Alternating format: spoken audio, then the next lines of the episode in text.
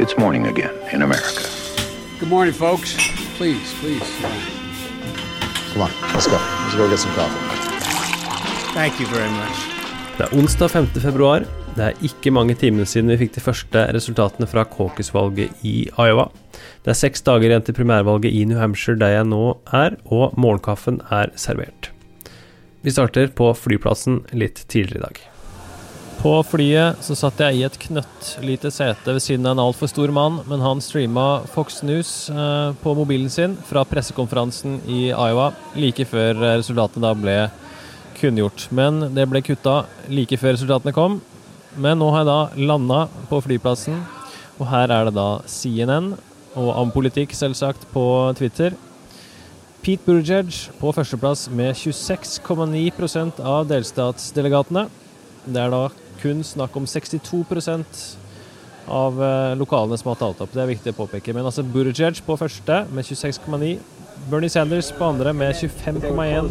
Warren Uh, they closed the gap, but we're in the decibels there, so just a tiny, tiny. We're up to 71% now. I just want to go around and look a little. Jeg har nå kommet meg til eh, hotellet i New Hampshire etter en lang reise fra Iowa. Jeg landa inn på flyplassen og fikk eh, vite hvordan det hadde gått med 62% av valgdistriktene inne. På vei til eh, hotellet så har eh, Det demokratiske partiet i Iowa klart å telle enda litt flere stemmer, så nå er vi på 71,4% Ingen store endringer her. Pete Buttigieg fortsatt på topp med 26,8, Sanders på 25,2. Warren 18,4, Biden 15,4, Klobuchar 12,6, Yang 1% og Stair 0,3. Det er fortsatt Bernie Sanders som leder i antall stemmer både til første og andre runde. Det er fortsatt Pete Buttigieg som har økt mest i antall stemmer fra første til andre runde, og det er fortsatt Buttigieg som da leder i delegater til slutt her. Men sånn som det ser ut nå, så vil eh, både Sanders og Buttigieg får med seg ti delegater, mens Warren vil få med seg fire, og ingen til Biden og Klobuchar.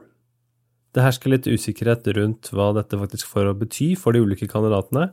Tidligere rapporter fra New Hampshire tyder på at både Buttigieg og Sanders kan ha fått med seg en liten bounce ut av Iowa, selv basert på det lille vi har fått, men det er ingen tvil om at dersom det hadde blitt klart eh, allerede mandag kveld hvordan det hadde gått her, så ville det ha styrka de som kom best ut av det, mer enn denne gradvise publiseringen av resultater.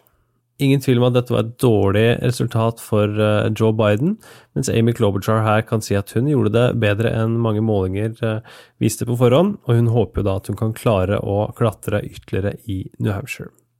Mens jeg satt på flyet, og mens jeg satt i bilen, så hadde Donald Trump sin State of the Union-tale. Han var jo altså den rent symbolske vinneren av caucus-valget i Iowa på republikansk side, med en oppslutning på 97,1% og settingen i Kongressen var jo mildt sagt utradisjonell, ettersom riksrettssaken fortsatt ikke er avsluttet enda.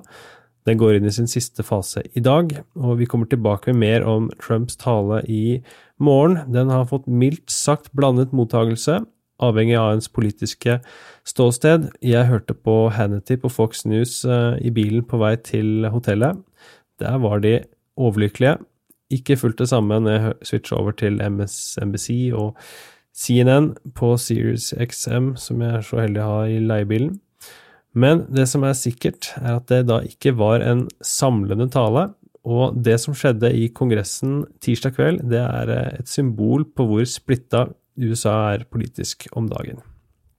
Nancy Pelosi strakk ut en hånd i starten, Trump tok henne ikke i hånda, og etter talen, noen helt utrolige scener, der eh, visepresident Mike Pence står og klapper, republikanerne klapper, demokratene sitter.